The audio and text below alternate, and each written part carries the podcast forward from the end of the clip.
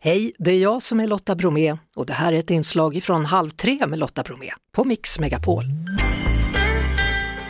Klockan den går, tiden tickar ner. Hur många timmar har han kvar nu undrar man? Niklas Svensson, Expressen. Ulf Kristersson pratar jag om. Ja, det är ju inte ens ett dygn kvar nu tills han ska avrapportera till talmannen Andreas Norlén.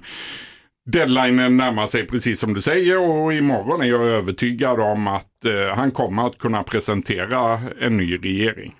Det säger du? Ja, det säger jag bestämt. Om han inte kan det så är det ett så stort nederlag för Ulf Kristersson så jag förstår inte riktigt hur han ska kunna resa sig från det. Nej, man har ju pratat om att den här deadlinen är extra viktig då med tanke på kriget, mm. krisen, elpriser etc. Och då går det inte liksom att klaga på att en regering inte har gjort någonting på åtta år och sen får chansen och sen ta alldeles för lång tid på sig. Är det den pressen han får? Ja men precis så.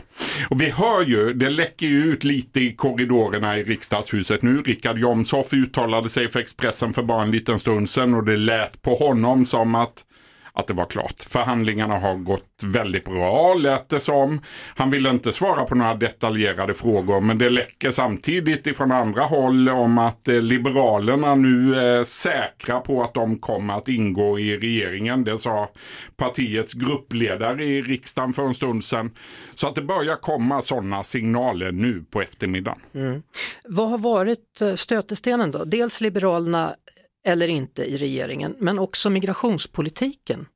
Migrationspolitiken har nog varit en stor sak i förhandlingarna eftersom den är så viktig för Sverigedemokraterna och det är också en av de frågor där Liberalerna och Sverigedemokraterna står längst ifrån varandra. Så att frågan där är ju vem som har fått backa ner och när man pratar om migrationspolitiken så kan man också nämna eh, biståndet där ju både Moderaterna och Sverigedemokraterna argumenterat för ett kraftigt sänkt bistånd medan Liberalerna och Kristdemokraterna antingen vill behålla det som det är eller eh, ja, ligga på samma nivå helt enkelt. Det ska bli spännande att se det här pusslet om det nu blir som du säger att det kommer imorgon. Ja, det är ju inte säkert att han presenterar sin regering imorgon och sina nya ministrar men hur eh, sammansättningen kommer att se ut mellan partierna, det bör vi rimligen få svar på imorgon. Mm. Eh, de hade ju en, en helg på Tidö slott, tror de hade kul? jag tror att det, det, var slutförhandlingarna där. Jag tror att det blev klart redan i söndags och att man möjligen nu sitter och, och skriver de sista pappren. Men eh, det var säkert viktigt för dem att stänga in sig långt ifrån media och eh, hade de kul? Ja, kanske. Mm. Och nuvarande regeringen, då, övergångsregeringen, de har ett krishanteringsråd som ska sammanträda på torsdag. Då. Det är ÖB, Säpo, Energimyndigheten och denna gång också Livsmedelsverket inkallade. Så de sysslar lite med sitt där medan de väntar. Ja precis, eh, och möjligen kan ju Ulf Kristersson då se vad som väntar. Det blir han som kommer att få ta över allt det här om, eh, ja, någon gång nästa vecka kanske redan om regeringen kan tillträda då.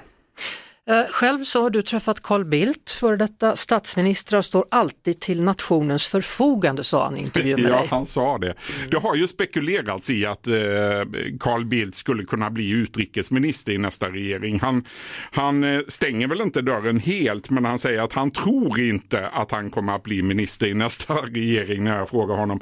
När jag lite mer specifikt frågar, för jag har nämligen fått sådana signaler eller indikationer på att han skulle kunna vara intressant som en slags regeringsförhandlare i NATO-frågan eftersom Carl Bildt har så bra kontakt i Turkiet.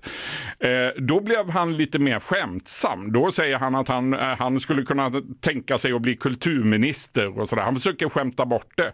Och det tar jag snarare som ett tecken på att eh, här, här fanns det någonting som var känsligt. Fyra bugg och en Coca-Cola med Carl Bildt, var inte det hiten? Ja, jo, han sjöng ju den en gång i tiden på uppdrag Gud. av Bert Karlsson va? Ja, och vi hoppas att han inte blir kulturminister. Alltså, förlåt mig Karl, men jag tror kanske att du gör ett bättre jobb som eventuell NATO-minister då. Ja, vi får väl se. Ja. Mm. Eh, spännande, det kommer ytterligare nyheter vad gäller Carl Bildt, så håll utkik.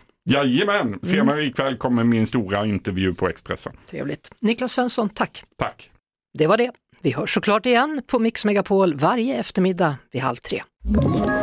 Ett poddtips från Podplay. I podden Något Kaiko garanterar östgötarna Brutti och jag, Davva, dig en stor dos skratt. Där följer jag pladask för köttätandet igen. Man är lite som en jävla vampyr. Man har fått lite blodsmak och då måste man ha mer. Udda spaningar, fängslande anekdoter och en och annan arg rant. Jag måste ha mitt kaffe på morgonen för annars är jag ingen trevlig människa. Då är du ingen trevlig människa, punkt. Något Kaiko, hör du på Podplay. Därför arkadeinerna.